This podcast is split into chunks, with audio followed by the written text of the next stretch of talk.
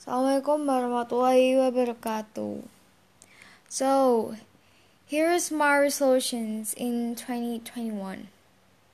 Well, I am actually having a special goals for this year because when I was in 2020, I do my online school, I stay at home watching dramas and some kind of that things.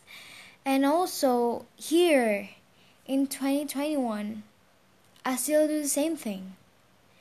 And last week, I saw news that told about coronavirus is about to end in three and a half year, and that is insane.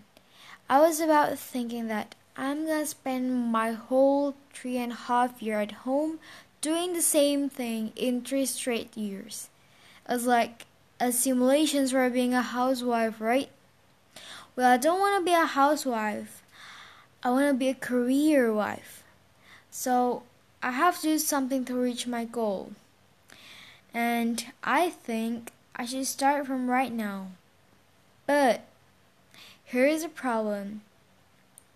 I have no idea what to do because nowadays I'm being lazier than I was.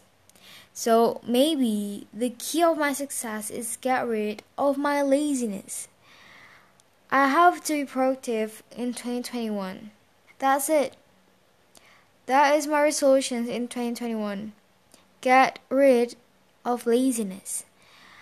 I want to be more productive to get a higher score at school, get in a really, really good university, and get a job and being a millionaire, and that's it. The point of my resolutions in 2021 is get rid of my laziness.